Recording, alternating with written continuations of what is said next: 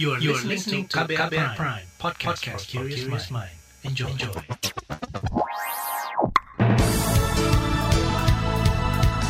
Selamat pagi saudara, senang sekali kami bisa menjumpai Anda kembali melalui program Buletin Pagi edisi Senin 28 Desember 2020 bersama saya Naomi Liandra.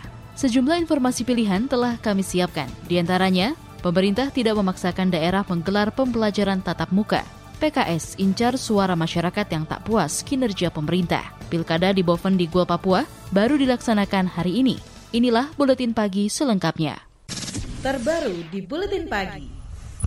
Di Kabupaten Kulon Progo, Yogyakarta, Dinas Pendidikan masih mengkaji rencana pelaksanaan pembelajaran tatap muka di sekolah mulai Januari nanti. Menurut Kepala Dinas Pendidikan setempat, Arif Prastowo, Pemda masih harus melihat situasi perkembangan COVID-19.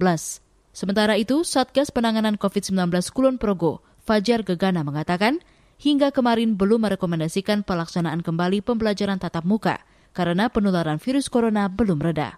Di Palembang, Sumatera Selatan, epidemiolog Universitas Sriwijaya Ica Andriani Liberti mengatakan, rencana pembelajaran tatap muka akan tetap dilaksanakan Januari nanti. Meski begitu, Pemkot Palembang diingatkan untuk menilai kondisi kasus aktif COVID-19 per kelurahan berdasarkan lokasi sekolah.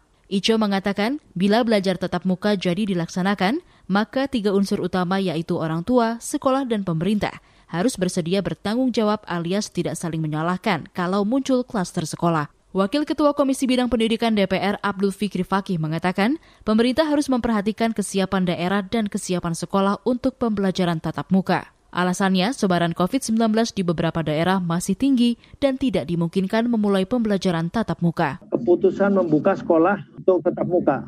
Nah ini juga harus diperhatikan, harus dapat persetujuan Pemda, komite sekolah, kemudian tidak memaksa untuk siswa ke sekolah. Sekolah juga dibuka untuk membuat kebijakan berbeda. Eh, kemudian kegiatan kurikuler juga diadakan sesuai dengan sekolah. Wakil Ketua Komisi Bidang Pendidikan DPR Abdul Fikri Fakih menuturkan, selain persetujuan pemerintah daerah dan sekolah, kesiapan siswa serta persetujuan orang tua sangat dibutuhkan agar sama-sama memiliki komitmen untuk memperlakukan pembelajaran tatap muka. Perhimpunan untuk Pendidikan dan Guru P2G mendesak pemerintah menunda pelaksanaan pembelajaran tatap muka Januari nanti. Menurut Koordinator Nasional P2G Satriwan Salim, jumlah kasus COVID-19 saat ini semakin tinggi. Risiko bertambah dengan libur sekolah dan libur Nataru yang berpotensi menambah jumlah kasus positif COVID-19. Tetapi yang kuning, oranye, dan merah kami meminta untuk ditunda. Oke, adapun di zona hijau tentu dapat menyelenggarakan PPM dengan protokol kesehatan ketat, SOP dari distrik dan sekolah, tes swab bagi warga sekolah, dan izin dari masing-masing orang tua. Kuncinya tetap izin dari orang tua. Seandainya ada orang tua tidak mengizinkan PTM, even itu di zona hijau sekolahnya, tetap sekolah wajib memberikan layanan kepada siswa tersebut. Koordinator Nasional Perhimpunan untuk Pendidikan dan Guru atau P2G, Satriwan Salim juga mengingatkan, Kemendikbud dan Kemenak jangan sampai lepas tanggung jawab dalam melaksanakan pembelajaran tatap muka. Kedua kementerian itu harus memeriksa ulang pemenuhan daftar periksa dan mengoptimalkan peran pengawas sekolah sebagai jembatan sekolah dengan dinas pendidikan. Sejak akhir November lalu, pemerintah sudah menerbitkan surat keputusan bersama atau SKB 4 Menteri tentang pelaksanaan pembelajaran tatap muka pada bulan depan. Menurut pengamat sekaligus praktisi pendidikan Indra Karismiaji, aturan tersebut sebagai protokol kesehatan yang salah kaprah. Munculnya SKB 4 Menteri untuk tatap muka di bulan Januari karena kajian Bank Dunia tersebut menyampaikan bahwa kalau tahun 2021 nanti ada PISA, kan ini kan diundur lagi ya jadi 2022. Itu Indonesia bukan tambah tambah bagus, tambah jeblok kan. Karena tadi pelaksanaan PJJ yang Eh, kacau balau kan gitu dan dan tidak ada usaha perbaikan dari Kementerian Pendidikan Kebudayaan sama sekali. Pengamat dan praktisi pendidikan Indra Karismiaji mengherankan solusi permasalahan pembelajaran jarak jauh dengan melaksanakan pembelajaran tatap muka yang diserahkan ke pemerintah daerah. Akibatnya menurut Indra, publik menilai Kemendikbud sengaja lepas tanggung jawab. Informasi tentang PKS incar suara masyarakat yang tak puas kinerja pemerintah akan hadir usai jeda. Tetaplah di Buletin Pagi KBR. You're listening to KBR Pride, podcast for curious mind. Enjoy!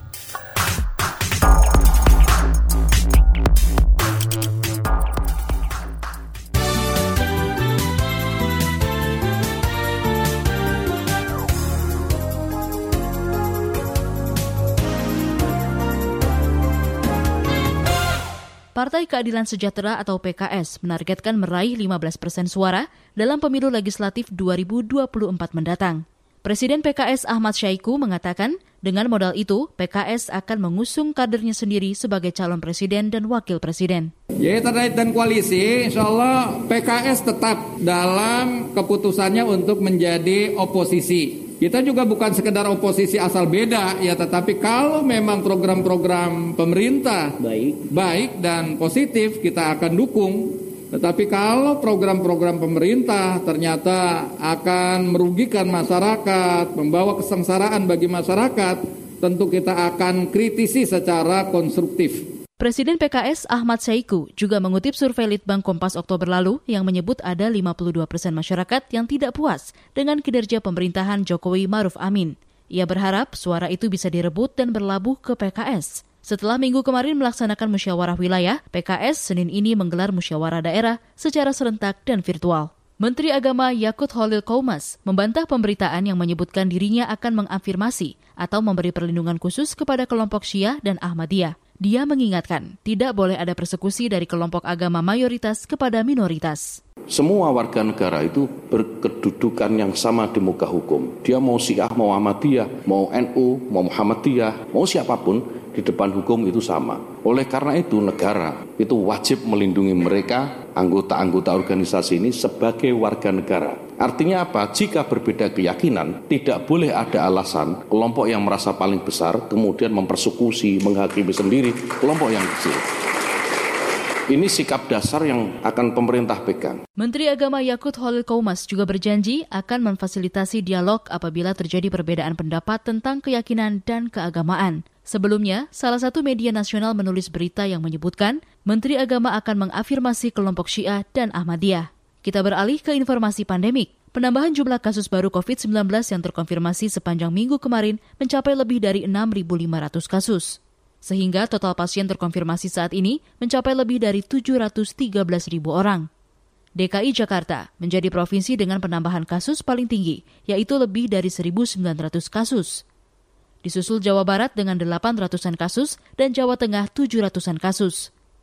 Pasien sembuh bertambah 6.900-an orang, sehingga total pasien sembuh menjadi lebih dari 583.000 orang. Pasien meninggal bertambah 243 orang, menjadi total lebih dari 21.000 orang. Sementara itu, Perhimpunan Dokter Spesialis Penyakit Dalam Indonesia atau PAPDI merekomendasikan pasien dengan penyakit penyerta atau komorbid memperoleh vaksin COVID-19. Rekomendasi dikeluarkan mengingat tidak semua pasien dengan penyakit penyerta bisa mendapatkan vaksin COVID-19. Penyakit penyerta atau komorbid layak misalnya alergi obat, alergi makanan, asma bronkial, HIV, dan lainnya. Sedangkan penyakit penyerta atau komorbid belum layak antara lain penyakit autoimun sistemik, transplantasi ginjal, hipertensi, gagal jantung, autoimun, dan lainnya. Pemerintah disarankan mengajukan protes diplomasi terkait adanya staf kedubes Jerman yang mendatangi Sekretariat Ormas Front Pembela Islam atau FPI.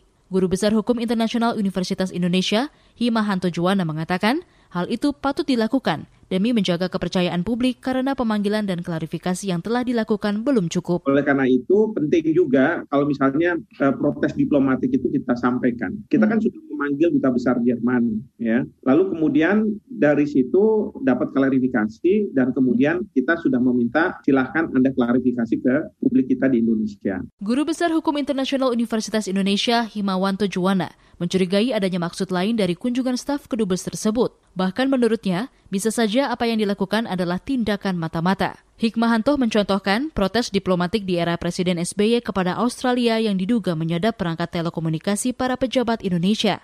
Satu pekan lalu, seorang staf kedubes Jerman ketahuan mendatangi sekretariat FPI di Petamburan. Atas perbuatan yang disebut tanpa koordinasi pimpinannya itu, kedubes Jerman di Indonesia langsung memulangkan yang bersangkutan. Beralih ke berita ekonomi. Menteri Pariwisata dan Ekonomi Kreatif Sandiaga Uno memprioritaskan aspek kesehatan jika kegiatan di Pulau Bali kembali dibuka penuh. Sandi menyampaikan hal itu dalam kunjungan kerja ke Badung kemarin. Di Bali, Menparekraf memastikan penerapan protokol kesehatan berbasis kebersihan, kesehatan, keamanan, dan keberlangsungan lingkungan di sektor pariwisata.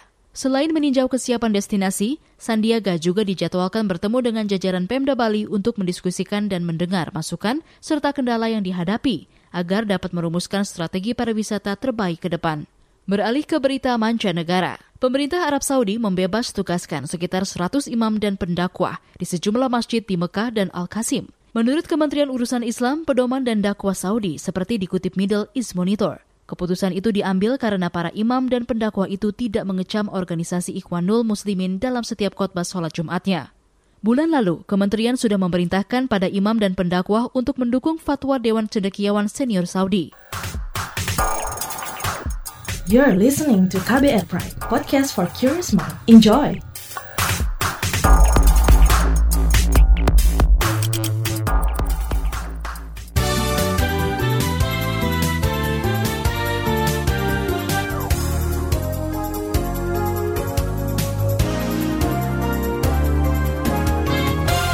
Anda masih bersama kami di Buletin Pagi KBR. Tes cepat antigen makin marak digunakan sebagai pengganti tes antibodi yang dinilai tidak akurat. Kebutuhan makin meningkat saat libur akhir tahun sebagai syarat perjalanan. Pemerintah sudah menetapkan batas atas tarif tes. Namun, realitas di lapangan berkata lain. Simak laporan tim KBR yang disampaikan Valda Kustarini. Yunita, mesti pilih-pilih tempat untuk melakukan tes cepat antigen. Pasalnya, rumah sakit di sekitar rumahnya di Tangerang menawarkan harga beragam. Biaya sekali tes dipatok Rp250.000 hingga Rp350.000. Kebetulan ada kontak sama salah seorang yang positif. Swab antigen di RS Mayapada itu juga karena lagi promo setelah aku banding-bandingin dengan RS lain dia awalnya harganya 450.000 terus kemarin jadi 199.000 Yunita malum ada perbedaan harga tes karena kebijakan tiap rumah sakit juga tak sama. Namun, alangkah baiknya pikir Yunita jika harga diseragamkan sesuai harga acuan yang ditetapkan pemerintah, yakni paling mahal Rp250.000 di Jawa dan Rp275.000 di luar Jawa. Apalagi tes antigen saat ini sudah jadi kebutuhan masyarakat. RS yang nggak ngikutin, ya mendingan ditindak sih atau ditegur kali ya. Karena ya bagaimanapun juga kan ini dibutuhin sama semua pihak ya. Misalnya dimahalin atau mereka kayak memakai kesempatan ini untuk cuan, kayaknya mesti dikasih tahu deh. Permintaan tes antigen juga makin tinggi menjelang libur akhir tahun karena menjadi syarat berpergian. Banyak warga seperti Vino terpaksa melakukan tes agar bisa liburan ke Yogyakarta meski ia menggunakan kendaraan pribadi. Jogja juga katanya memperlakukan kalau pendapat kalau dari luar Jogja harus ada hasil. Udah mau nggak mau ya udahlah kita tes lah gitu. Total berapa? Total tujuh, tujuh orang. Gua keberangkat ke Jogja tujuh, itu termasuk anak ya, termasuk anak kecil ya. Jadi anak kecil juga dites. Vino rela mengeluarkan biaya ekstra Rp300.000 per orang untuk tes ketimbang membatalkan liburan yang sudah direncanakan sejak tiga bulan lalu. Ia juga pasrah biaya tes dibanderol lebih tinggi dari harga acuan pemerintah. Pikirnya, itu resiko karena tes di laboratorium swasta. Udah keburu booking sana sini juga hilang juga duitnya. Jadi gue pikir ya udahlah sama-sama itu mendingan gue keluarin duit lagi dikit. Duit yang maksudnya duit sama-sama hilang tapi berasa gitu. Kalau gue cancel tiket kan nggak bisa refund, ya kan? Tingginya minat warga untuk tes antigen sepertinya belum diimbangi dengan ketersediaan alat tesnya. Julianti, karyawan swasta di Jakarta, kesulitan mencari tempat tes dengan harga terjangkau. Padahal, ia harus segera tes karena rekan sekantornya positif COVID-19. Juli sempat mendatangi Rumah Sakit Kartika Pulau Mas karena ada promo setengah harga. Namun, ia mengurungkan niat begitu melihat antrian panjang. Oh, rame sekali. Itu sama saja kerumunan dong. Ya mundurlah daku. Aku tidak mau capek-capek berdiri, antri lama-lama di situ demi untuk mendapatkan harga murah, tapi ujung-ujungnya nanti aku kena COVID atau tertular. Nggak mau kan? Juli terpaksa mengambil tes antibodi, meski tahu hasilnya kalah akurat. Ia berharap pemerintah menjamin ketersediaan tes dan memastikan harganya terjangkau, seperti yang dilakukan PT KAI yang membandrol harga tes hanya Rp105.000 per orang. Gimana kalau disamakan saja dengan rapid test antibody 150 ribuan gitu. Tapi kalau masih 250 ribuan, ya orang juga akan mikir 250 itu gede. Kalau dibeliin beras, udah dapat berapa kilo gitu ya kan.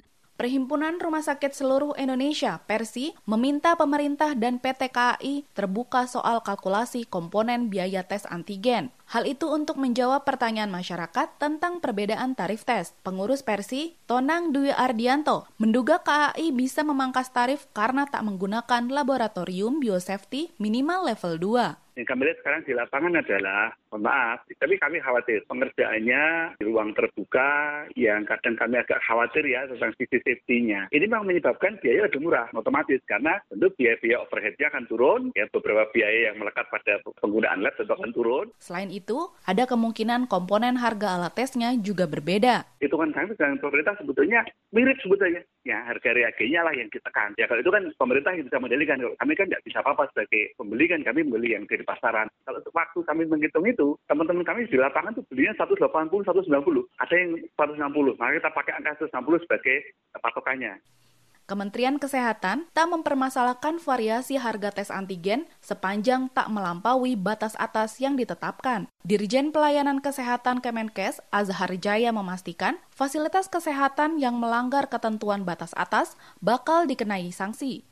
Pertama sanksinya ya tentu saja eh, teguran lisan. Kalau ternyata membandel ya kemudian pemanggilan. Kan gitu ya. Kalau masih membandel juga bisa pencabutan izin. Jadi jangan salah ini bukan harga tarifnya harus segitu. Tapi yang kita tetapkan adalah harga pemeriksaan tertinggi. Jadi nggak boleh lebih dari itu. Kalau di bawah itu ya bagus. Ya clear ya. Demikian laporan tim KBR. Saya Valda Kustarini. Commercial break. Vina, seorang volunteer dari komunitas Biho memberi pesan kepada teman-teman Broken Home untuk dapat bangkit dari keterpurukan dan mampu berdikari. Jangan sampai kalian menikah saat kalian belum siap. Itu penting banget. Jadi selama masih muda nikmati aja masa mudanya. Carilah hal-hal positif yang bermanfaat buat masa muda kalian. Sehingga nanti kalian ketika pun sudah memiliki pasangan, mau mencari pacar misalkan atau sudah ingin menikah, kalian sudah benar-benar matang agar apa yang kalian alami tidak terjadi kembali kemudian hari. Simak obrolan selengkapnya dalam podcast Disko Diskusi Psikologi dalam episode Bangkit dari Keterpurukan dan Berdikari di kbrprime.id dan platform mendengar podcast lainnya.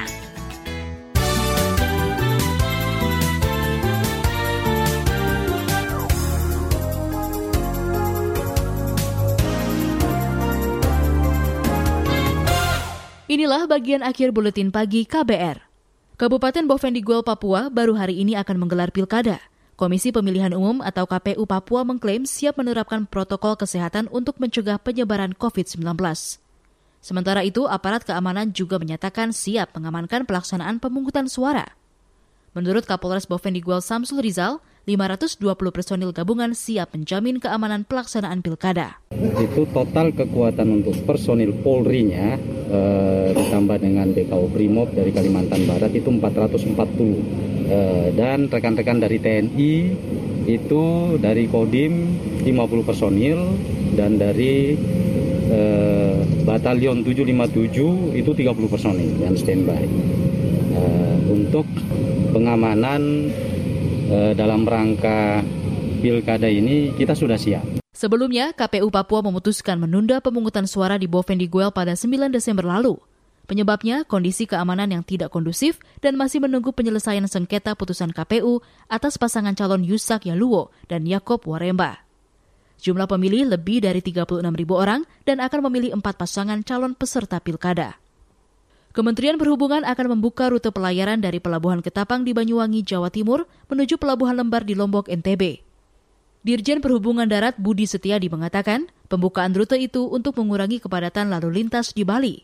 Mengingat selama ini angkutan logistik dari Banyuwangi ke Lombok dan sebaliknya memadukan penyeberangan Ketapang Gilimanuk dan Padang Bayi Lembar. Bali kita harapkan pariwisata yang akan segera tumbuh. Makanya Bali ini betul-betul uh, kita akan amankan dan kemudian kita akan mendorong pertumbuhan turis yang demikian banyak, baik uh, lokal maupun yang dari internasional. Nah, salah satu yang dirasakan oleh Pak Gubernur adalah hambatan terhadap kelancaran lintas dari Gilimanuk sampai dengan ke Denpasar, yaitu dengan adanya kendaraan truk yang dari penyeberangan ini. Sementara itu, Direktur Utama PT ASDP Ira Puspita Dewi menyatakan siap menjadi fasilitator rute penyeberangan ke Tapang Lembar. Rute itu dinilai menguntungkan pengusaha logistik karena waktu tempuh bisa dipersingkat. Ratusan wisatawan yang melintas di jalur puncak Cianjur, Jawa Barat dikembalikan ke daerah asalnya karena tidak membawa surat keterangan bebas COVID-19 antigen. Kepala Bagian Operasi Polres Cianjur, Alan, kemarin mengatakan penyekatan dilakukan personil kepolisian bersama gugus tugas penanganan COVID-19 sebagai upaya memutus rantai penyebaran virus corona. Selain di Bundaran Lampu Gentur, bypass Cianjur, penyekatan dilakukan mulai dari pintu masuk Cianjur dari Bandung Barat, Jalan Cianjur Sukabumi, dan perbatasan Bogor Cianjur. Informasi tadi menutup jumpa kita di Buletin Pagi hari ini. Pantau juga informasi terbaru melalui kabar baru, situs kbr.id, Twitter kami di akun @beritaKBR, serta podcast di alamat kbrprime.id. Tetaplah mematuhi protokol kesehatan pencegahan COVID-19. Akhirnya, saya Naomi Liandra bersama kerabat kerja yang bertugas undur diri. Salam.